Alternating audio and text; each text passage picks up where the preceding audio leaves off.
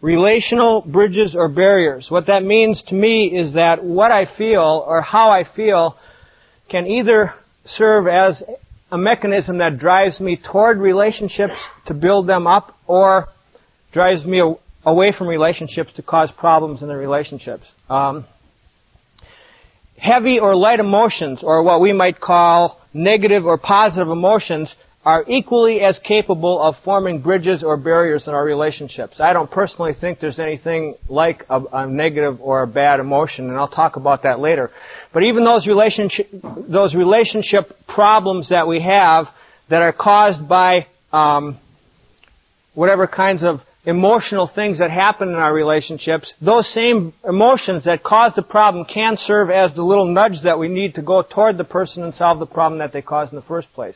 There is no such thing as a bad emotion. There are wasted emotions, I think. I think we waste a lot of our emotions. We don't notice them. We don't take advantage of them. A little more than a year ago, my father died. It was in May of 1982.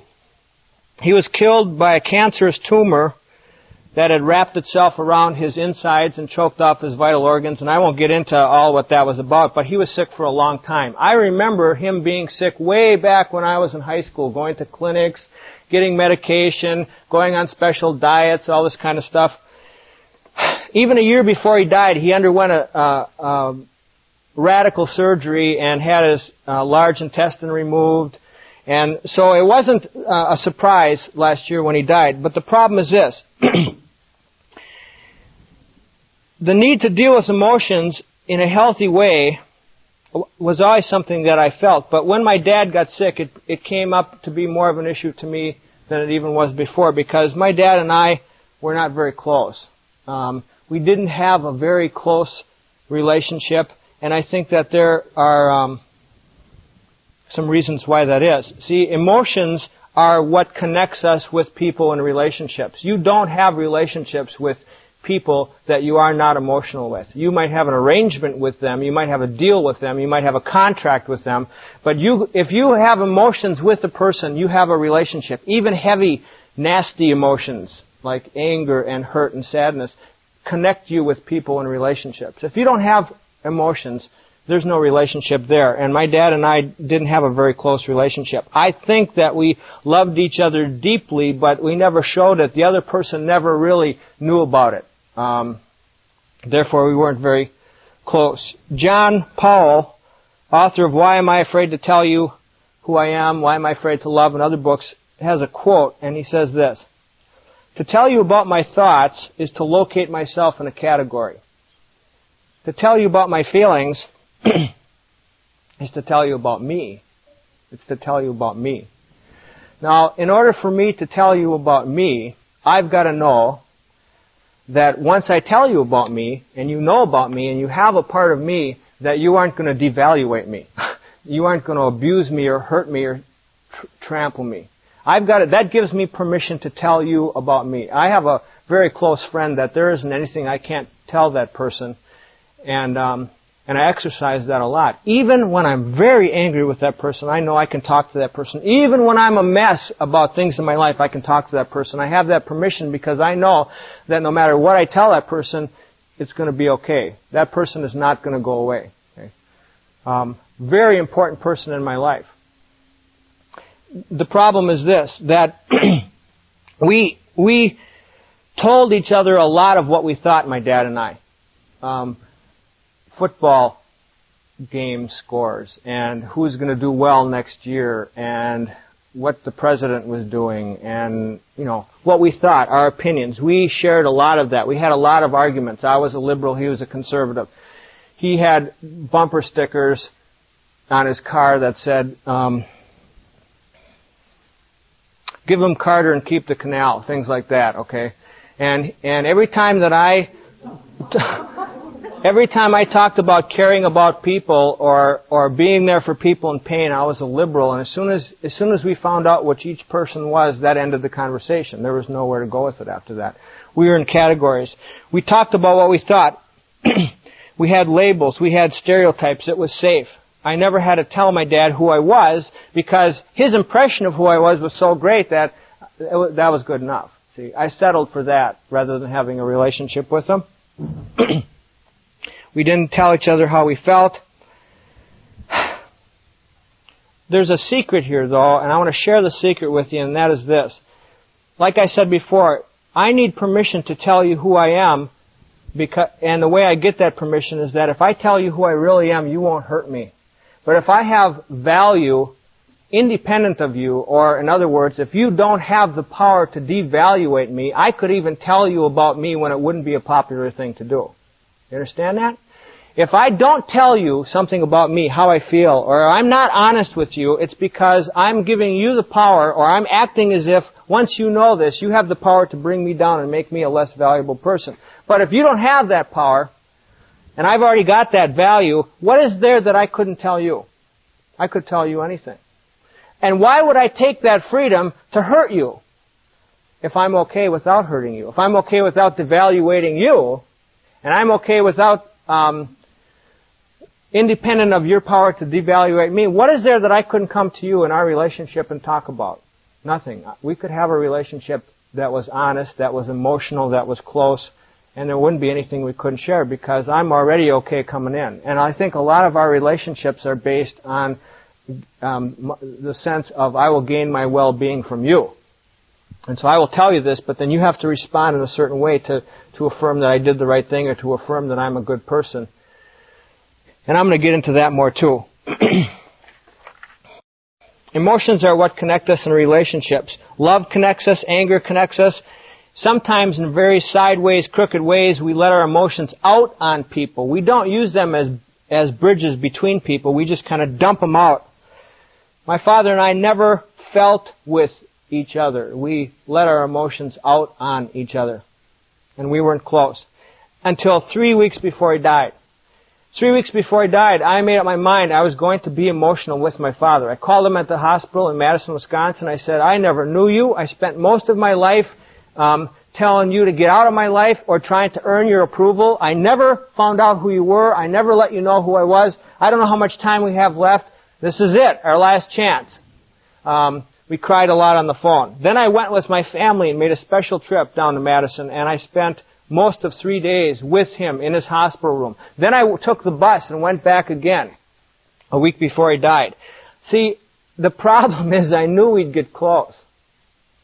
I knew that I know enough about how emotions work that I knew we'd get close and then that would make it even harder when he died. So I was kind of in a catch-22 situation because if I ever wanted to know my dad and I ever wanted him to know me, I was going to have to go through this, but then when he died, it would be worse than it was before because now I had something to hang on to. Before I didn't have anything to hang on to. Second reason why my dad's death brings me to the uh, to the point of talking about emotions as, as being an important thing, and that is this: I read his progress notes in his chart. He had a chart this thick in, at the hospital, and I went way back to 1969, you know, and started reading through the progress notes.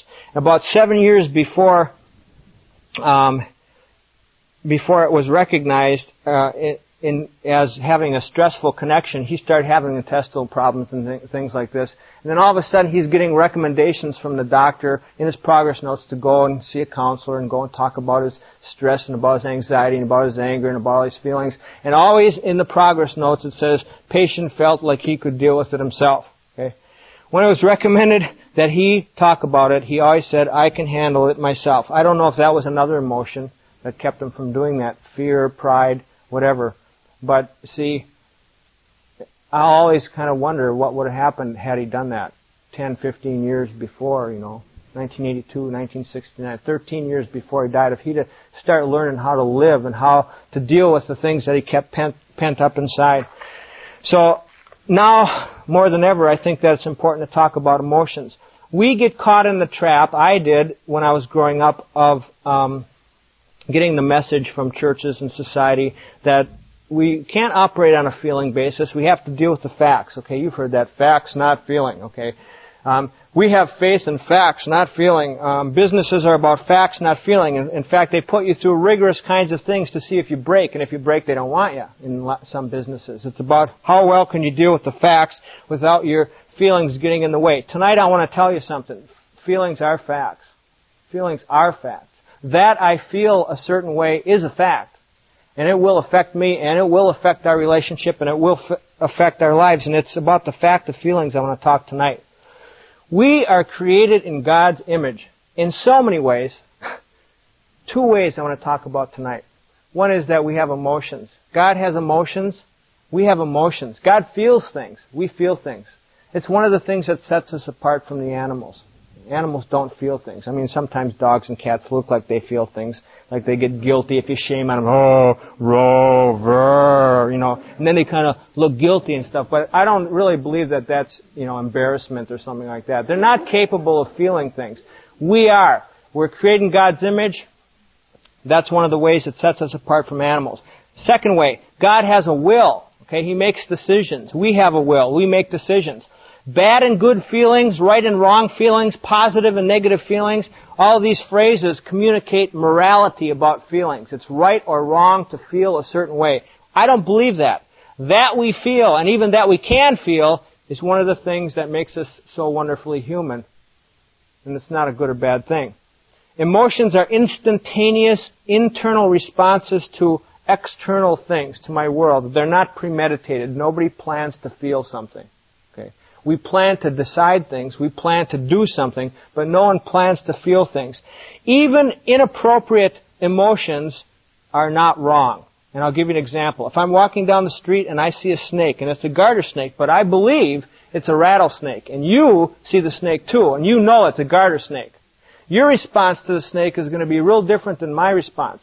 My response will be inappropriate to the snake, but appropriate to my emotion, which will be terror and fear. Because if I believe that that's a rattlesnake, what is the appropriate response to a rattlesnake when you're walking down the street? To get away from the snake, to be afraid. You feel afraid. That's the appropriate response. It's inappropriate to the real snake, though, because it's only a garter snake. And you might think, what a fool I am to be so upset about a garter snake and how I shouldn't feel that way. And you might tell me all those things, but if, unless I change my mind about the snake, all I'm going to hear is put downs from you because you really know what it is, and when I feel like you do, then I'll be okay, you see. That's an inappropriate response, but it's not wrong. There's nothing wrong with that. That's not immoral. Choices are moral or immoral. Choices are good and bad. Expressing my will is good or bad or positive or negative, but not feelings.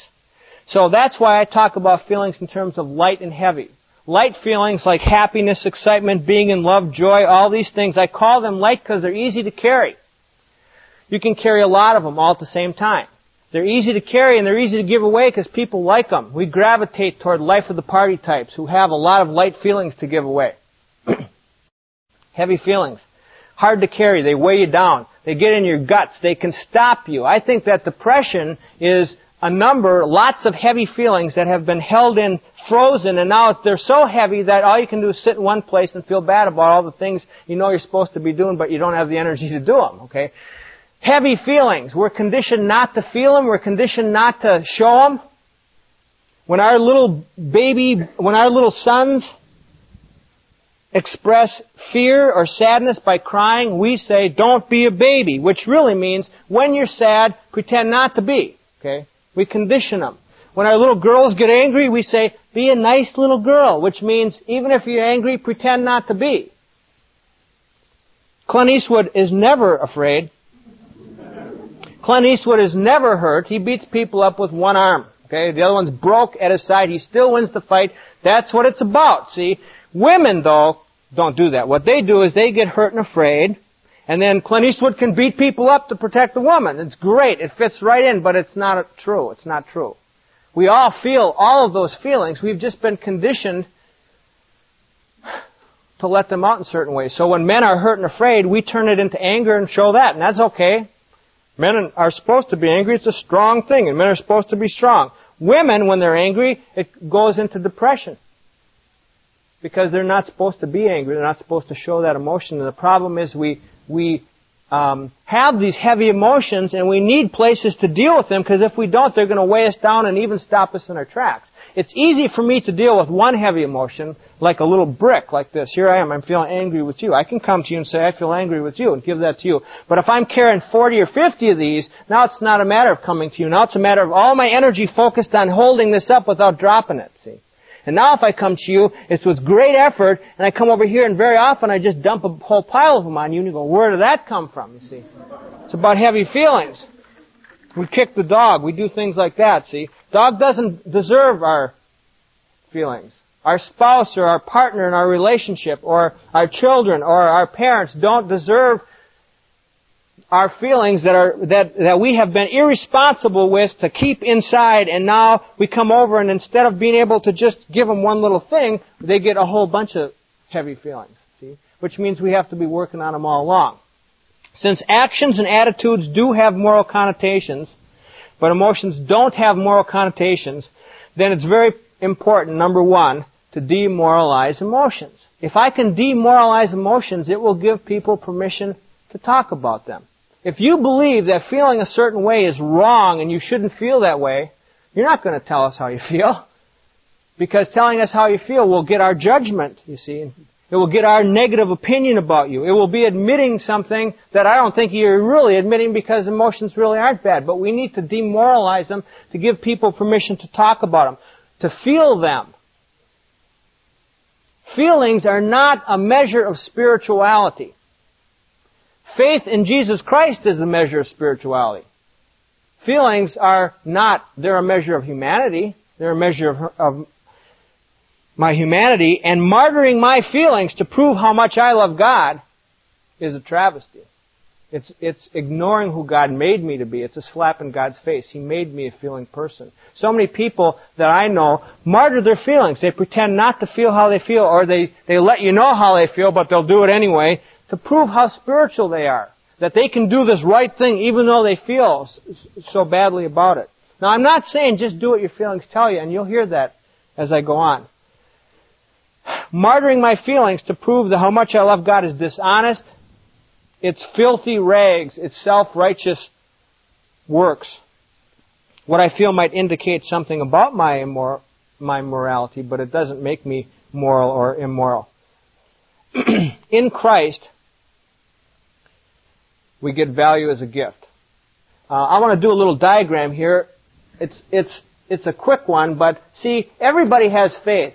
I'm not going to spend most of my time on this because this talk is about emotions. But see, everybody has faith. It's not a matter of having more faith or less faith. Everyone has faith. It's just a matter of what you put it in. Okay? So, we as human beings are searching for life. That's a pretty all-inclusive term. It, there's not much that the term life doesn't include. Identity as a person, value as a person, meaning in my life, security, peace, um, being okay, a sense of being okay. And most of us, or all of us, I think, are out on a course trying to know we're okay. We do things, we say things, we acquire things to try and be okay. What you put your faith in to make you okay will determine how you feel or how you act. Okay? So, if I put my faith in money to make me okay, that's going to determine how I act. I'm going to maybe cheat on my income tax. Uh, maybe I'll um, keep extra change at the grocery store. Maybe I'll uh, rob a bank. See, no one who robs a bank robs a bank because they want the FBI chasing after them for years and years. People rob banks because they have their fa- they believe that having X amount of money will make them okay when you, when the economy goes down or someone takes your money, you're going to feel a certain way. You're going to feel worried. Okay? People's opinions. If you put your faith in people's opinions to make you okay, that's going to affect how you act. And it's going to affect how you feel. You will assess what do you need to say to get people to like you. That'll make you okay. And so you'll say what you have to say in order to get, you'll do good audience analysis, you'll figure out what most of the people think is the popular thing, and then you'll say what it is that you have to say to get them to like you. The problem with taking this route is that it doesn't work. Okay? It works very temporarily. It only works as long as you keep pouring energy into it. But if ever you lose people's opinions, if ever you lose your money, and now let's put it in the realm of feelings. If ever you really show how you feel, now you're not okay. See? Hiding feelings. Some people use hiding feelings to prove they're okay. They hide their feelings. Some people use doing good things, doing right works. What they do. Because I do all these good things, I'm okay. See? If you believe that, then you're going to do a lot of good things. The problem is that none of these things were designed or intended or even are adequate to give you life or make you okay. They can't do it.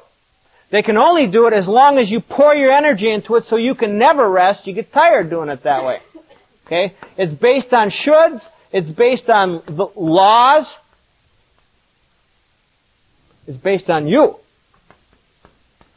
Now to make it, to, to fill out the other side, over here is Jesus. If you put your faith in Jesus to make you okay, then it's a gift. It's not up for grabs anymore. See, if you put your faith in any of these things for your life, for value, it's always up for grabs. You could always lose it at any minute. If you accept the gift, it's cement. It's not up for grabs anymore. And if you put your faith in Jesus for your life, it's going to affect how you act. If you're already okay because of what Christ has done, and someone around you needs money, you don't have to hang on to your money to prove you're okay. You could even give some money away to help that person. You could even be honest with how you feel. You could even stop doing all those good things you're doing and resenting them, okay?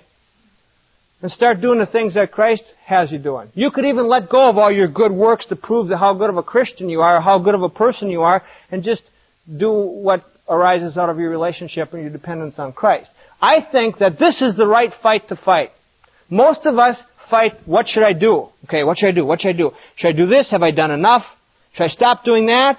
Have I done it too long? Okay, I think the right, the right fight is, who am I going to believe?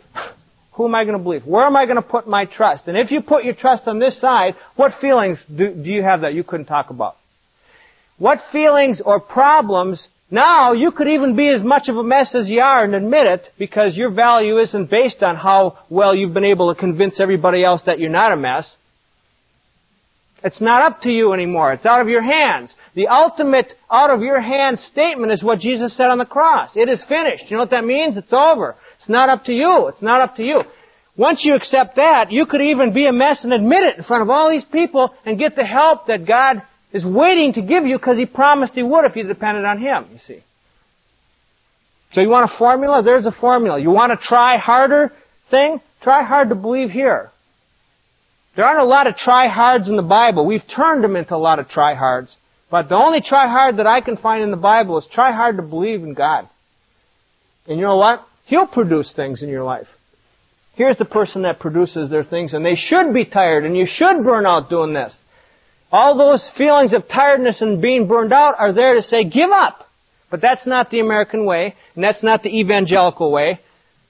The American way is to try harder. So instead of taking this hint here that says, boy, am I tired, I don't feel like doing this, and giving up, we try harder, and we try harder, and we try harder, and we get trapped. So that's how you can demoralize feelings. You can demoralize feelings by realizing that how I feel doesn't make me a good Christian or not a good Christian, or a good person or not a good person. It has nothing to do with it.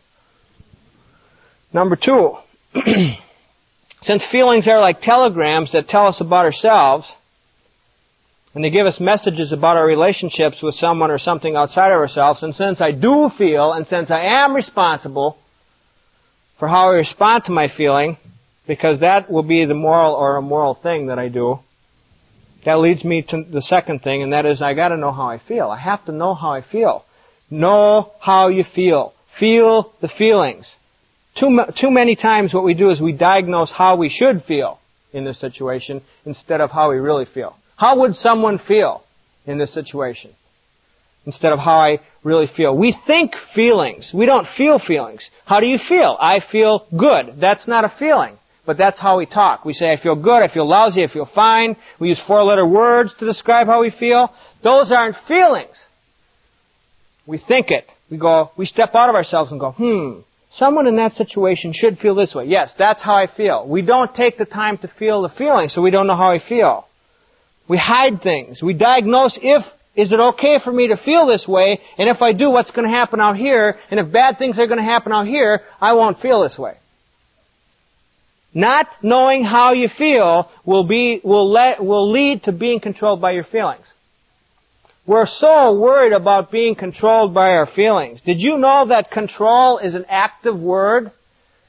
When you deny your feelings and ignore your feelings and pretend you're not there, you are not controlling your feelings. On the football field, when the team is playing ball control football, they've got the ball and they've got to do something with the ball. On the uh, In hockey, you've got the puck, you've got to control the puck. You have to do something with it. You have to do something with it. Knowing how you feel helps you do something with your feelings. That's controlling your feelings. Not pretending they're not there and holding them inside. That is not control. And it will lead to being controlled. You will do things that don't make sense. You will do things that are inappropriate for the feeling that you have. And now comes the moral and immoral part. What I choose to do. Making a choice with how you feel.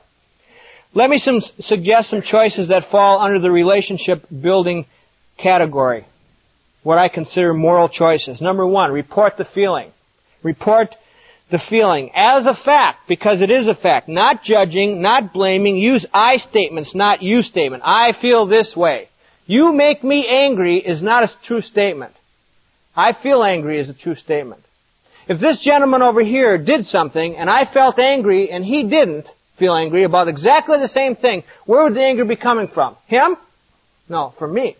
Why is it, what is it about me that causes me to be angry about what he did and what is it about him that doesn't cause him to do it? See, it's about me. So I can say I feel angry, but if I say you make me feel angry, then everybody would be angry because he's the one that's causing it. In Ephesians 5:25 and 26 it says this, speaking the truth in love Oh, speak the truth, each one of you, with his neighbor. Why? For we are members of one another. Be angry and don't sin. Don't let the sun go down on your anger. Don't nurse your anger. Be angry though and don't sin. That must mean that it's possible to be angry and not sin. When I was growing up, I was taught that that meant that if you were still angry at the end of the day, forget it. Okay? Don't deal with it. Just pretend it's not there. Drop it and start the next day out fresh. That's not what that means. Being angry and not sinning means not nursing your anger, not hanging on to it, not mulling it over, not getting evidence, not getting forming sides and re- getting reinforcements to prove your point.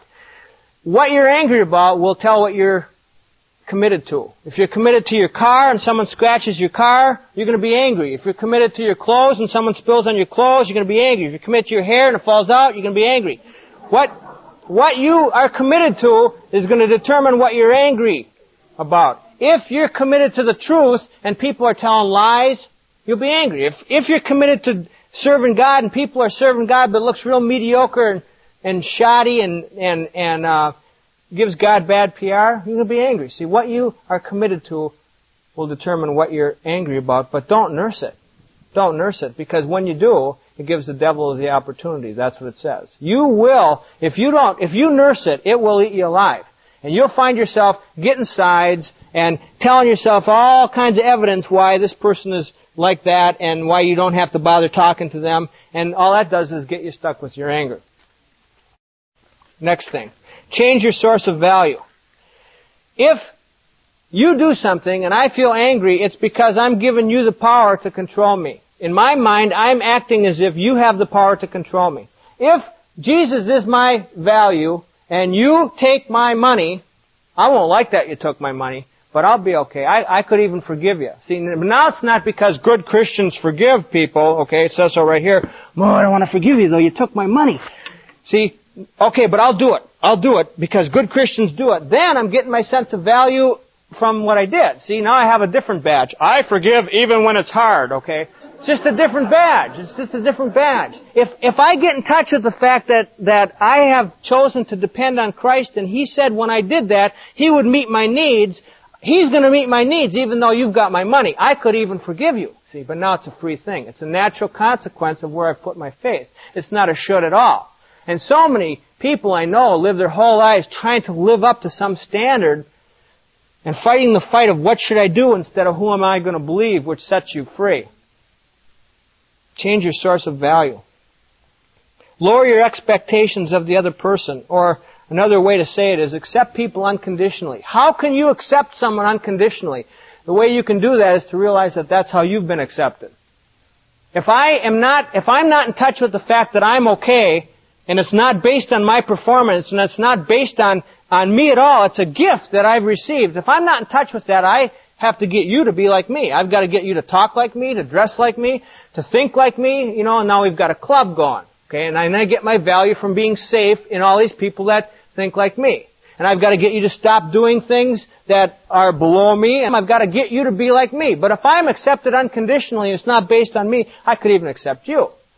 I don't have to get you to perform up to my standards. I could accept you right the way you are. Realizing my value comes from Christ lets me accept you without having to change to please me or to live up to my standard before I can be okay. Empathize. Empathize with the other person. Put yourself in the other person's shoes and hear what they're going to hear after you say what you're going to say. Uh, I have had a problem with this in my life. My wife is a very good teacher on empathy. She used to perform at the Renaissance Festival, and she also is quite um, good at procrastinating things that are threatening to her. She puts them off, puts them off at the last minute. She rushes around and usually comes through. But anyway, here it was about the Renaissance Festival. She's putting it off, putting it off, putting it off, and I say to her, "Are you going to make arrangements for the Renaissance Festival, or are you going to let that slip by too?" And she says, um, "Could you say that again, please?" And I said, um, "I said, okay, okay, okay." Are you going to make arrangements for the Renaissance Festival or are you going to let that slip by? And she said, I'll try that again. So I said, Are you going to make arrangements for the Renaissance Festival? And she said, Thank you. Yes, I am. See, that's all I wanted to know. The rest of it was this little boot, and, you know, to get her to do it. But see, it was about my feelings. I was worried. And instead of saying, Holly, I'm worried. See, if I'd have just said, Holly, I feel worried, I would have been telling her about me. But when I said, are you going to make arrangements? You're going to let slip by too? I was making a big you statement. You know, you always procrastinate. Something's wrong with you. And she didn't like that, and it hurt the relationship. Saying an I statement, I feel worried, I'm concerned, um, wouldn't have done that. It would have built the relationship. It would have let her know I'm on her side.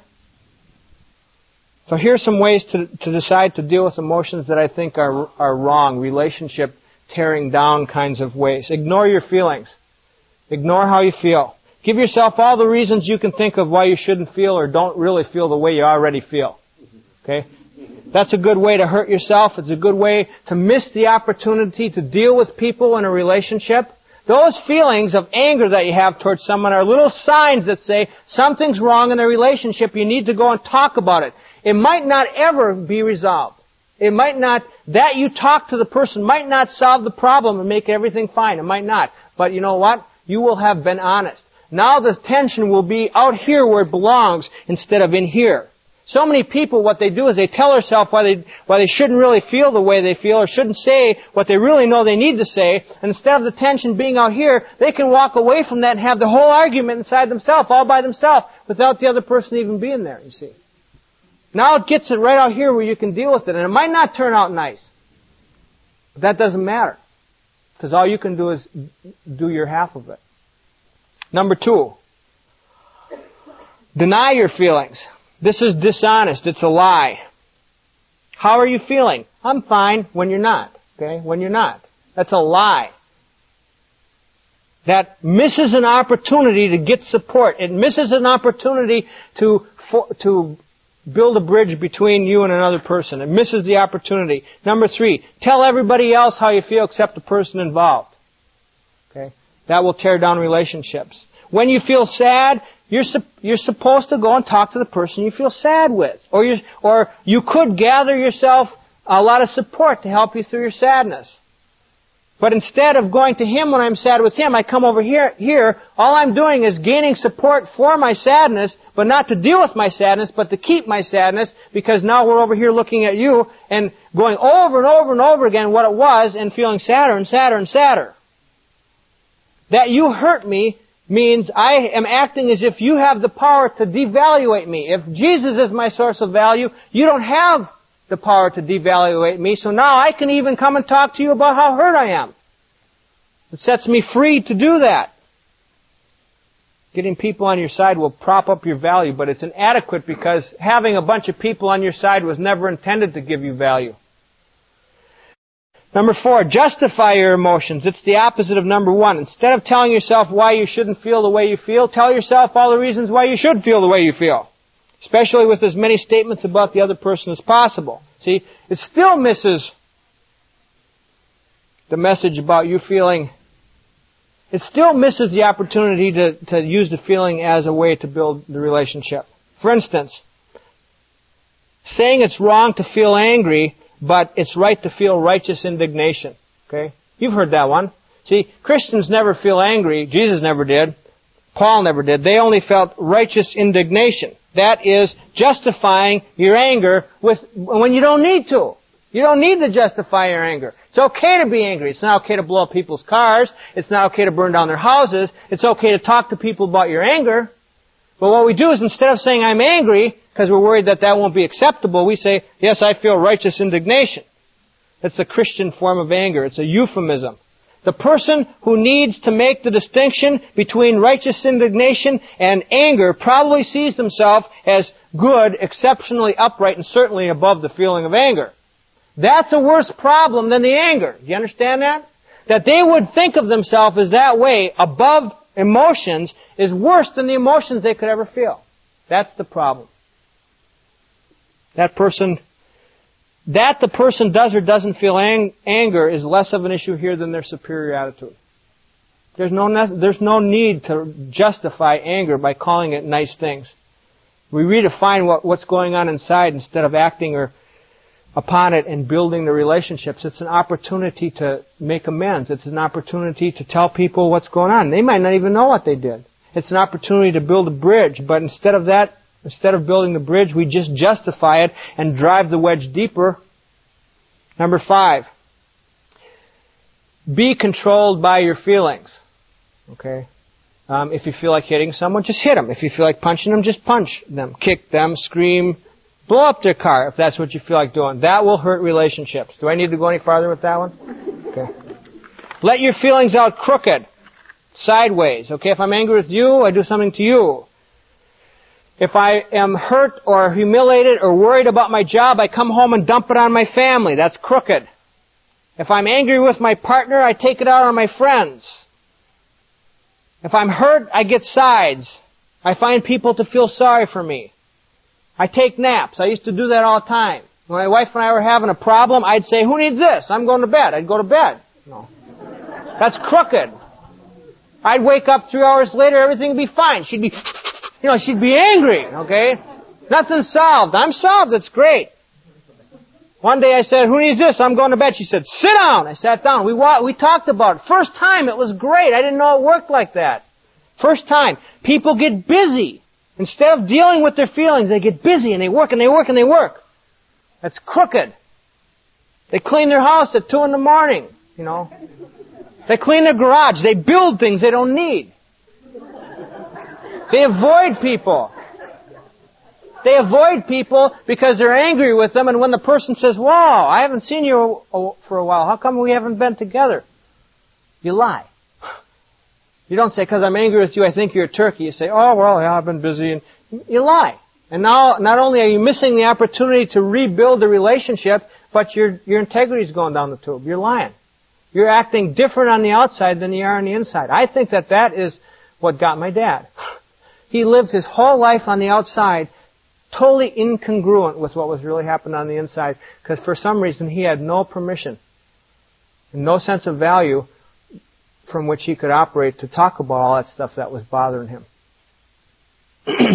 Syrupy, sweet submission. That's a sideways way of dealing with your feelings.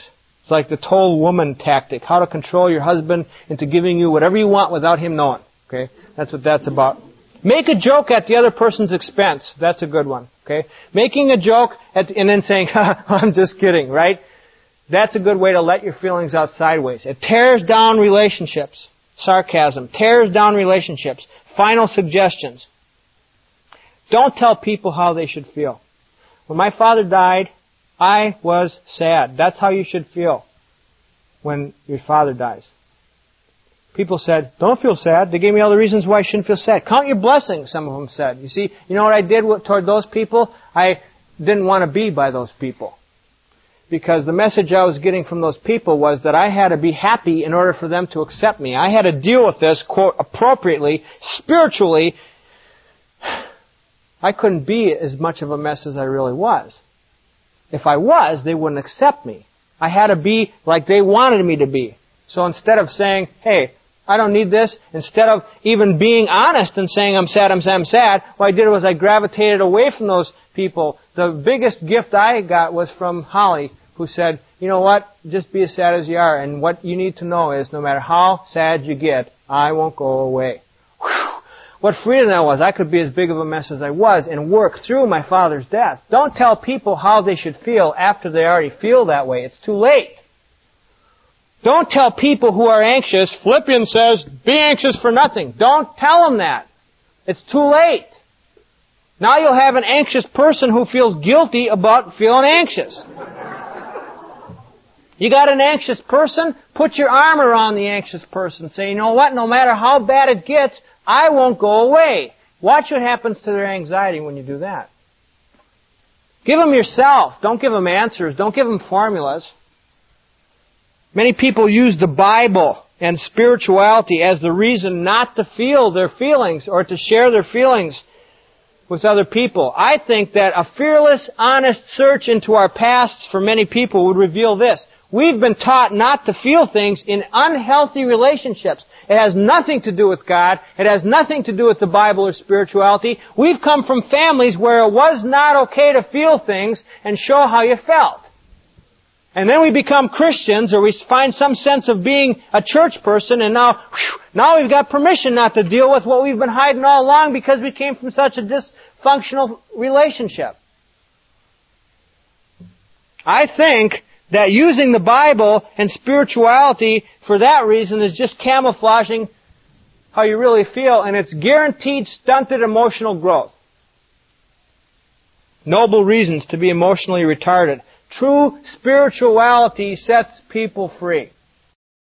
True spirituality sets people free. When I, when I know that I'm okay spiritually, when I know that my life is secure because I've gotten it as a gift, it's not up for grabs anymore, I could talk about anything. I could tell you how I really am. I could tell you my struggles. I could tell you, you know, that I'm not doing so well right now. I don't have to pretend. That's another message that the gospel says over and over and over again. You don't have to pretend anymore. Don't turn that into a rule. Okay, the gospel says, no, don't pretend, so I'm not going to pretend. Then you just have another badge. I never pretend. No. Get in touch with who, who is your source of value. If this isn't your source of value, all you have to do is pretend. And you can never stop and you can never rest. Honesty is always the best policy. You can't believe the ministers that give me reasons why not to be honest. I'm not talking about saying things that aren't necessary, like bald people make me feel like vomiting or something like that. There's no reason to say that. Okay, I hate your shirt. What a jerky looking shirt. There's no reason to say that. But I heard a study by a psychiatrist in um, at USC, and he he found out that the average human being lies 50 times a day. The average human being lies 50 times a day, and the reason why the vast majority of people say they lie so much is to protect other people's feelings. But he says that's a lie too. Okay, that's, that's one of the 50. Okay? the real reason that they lie is because they're afraid that the other person won't like them. They're afraid that someone will hurt them. They're afraid that something will happen to them. And so what they say is they're protecting someone else when really they're protecting themselves. If your value is from Christ, why do you have to protect yourself? You wouldn't have to. You could even tell the truth. You could even tell the truth when it wasn't popular. If you use it as a license to blast people, you still aren't in touch with this. You're still trying to get it from devaluating other people.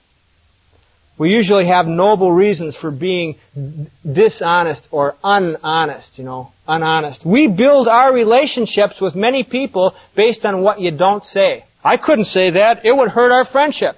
If saying something would hurt a friendship, what is it that you're trying to protect? You've got a friendship based on what you don't say. You don't, you're not, you're not protecting anything that's really there. In fact, I've heard people come to me and say, I couldn't say that. That would split the church. The church is split. If you can say that, the church is split. Unless you talk about it, it's never going to get back together again, you see? But we've got it all twisted around. Good reasons not to be honest. It's also condescending. See, I couldn't tell him how I really felt because he needs me to protect him from the truth. See, if he really knew the truth, he couldn't handle it. Boy, is he lucky that I'm here to protect him. That's condescending. If you knew what I really thought, if you knew what was really going on, you couldn't handle it, so I will not tell you the truth because you couldn't handle it. But it's usually dishonest and it just means I'm afraid. I'm afraid to tell them that. Number three, stop looking at the feeling of heavy feelings as automatically relationship damaging. Heavy feelings do not damage relationships. It's not the feeling that's harmful. It's not choosing to do anything or choosing to do harmful things that harms the relationship. Many of us see so many things just black and white. Black and white. Like, being angry is bad, caring about you is good. See it? Being angry is bad, caring about you is good. Therefore, I couldn't possibly be angry and care for you both at the same time. Want to bet? I can be angry and care for you. Loving you is good. Leaving you is bad. Therefore, I could never love you and leave you both at the same time. Yes, I could. I do that with my family a lot. Sometimes I love them like crazy. I want to stay, but I've got to go someplace and do something, and I leave them. See? I can do both of those things. But we've been taught to, to be so polar in things. We can't do things that are positive and negative both at the same time. Yes, we can. We do it all the time. You can't leave and care both at the same time, but that's not true. I can be angry and care. I can care and still leave. I can feel like running away and choose to stay. I can want to lie and still tell the truth. I do that all the time. I want to lie all the time. But I can still cho- choose to tell the truth, even if it would be unpopular. See, the fact that I would want to lie would be that I was basing my faith somewhere over here. See, I've got to, I've got to lie and then I'll be okay.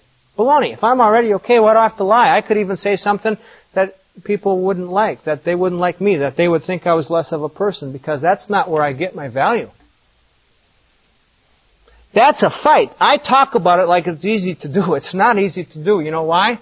Because most of what happens in here and everything out there says it's not true. It's up to you. It's up to you. It's how you dress. It's how you think. It's how much money you make. It's how much you have. It's, you know, it's up to you. It's up to you. And this is the only system I know that says it's not up to you. You can only get it by a gift. I can even doubt God and still choose to follow Him. I do that too. I have people come into my office and they and they're hanging their heads low and they go, I don't know if I'm a Christian anymore. And you know why they're doing that? Because they're comparing their behavior to what they think Christian behavior is, and they don't compare. And so they're wondering if they're a Christian anymore, as if it's their behavior that makes them a Christian in the first place. And then they want me to say, oh, sure you are, and give them a pep talk and give them some formula to get back into feeling like they're a Christian, and I never do that. I say, huh, maybe you're not. They go, what? Good question. That's the right question. Now you're asking it right now. Good question. See, you know what? I never doubt if I'm a Christian. I'm a Christian up to here. Sometimes I doubt if the whole thing is true, though. You understand the difference? I'm so much a Christian that this better be true. Huh. This better be true. Because I'm into it up to my neck. Okay? But I never doubt if I'm into it. I never doubt if I'm into it. I'm into it. You know? And I live like that. And I'm free. And it results from my faith here. so I can even doubt God and still choose to follow Him. Both. But see, I learned that following God is good and doubting God is bad. So you can't do both. You either have to follow Him or doubt Him. I can do both. I do it quite often. Because everything out there, and even sometimes in here, I hear, don't follow God. Get money. Don't follow God. Get possessions. Get public opinion. Get a big practice. Make a lot of money. It'll be great. Get a good reputation. Don't follow God. It's not even necessarily that those things are opposites, but you know what? All this stuff over here isn't bad. But when you choose faith in Christ as a source of value, then He said He'd give you what you needed, and some of that is this. But now it's about a result instead of trying to get your value by what you have. Now it's a result of who you are instead of trying to get it. I can choose to act against or with my feelings. I can feel like doing something and not do it if I decide that that's not the right thing to do. I can choose to act with my feelings too. But first I need to let myself feel my feelings. I need to know what they are so that I make a choice that is wise, that builds relationships. Making no choice or making negative choices hurts relationships. Feelings don't hurt relationships. if you know what to do with them and you actively take control over them and you make choices to use them as bridges. And I hope that this helps your relationships. Thank you.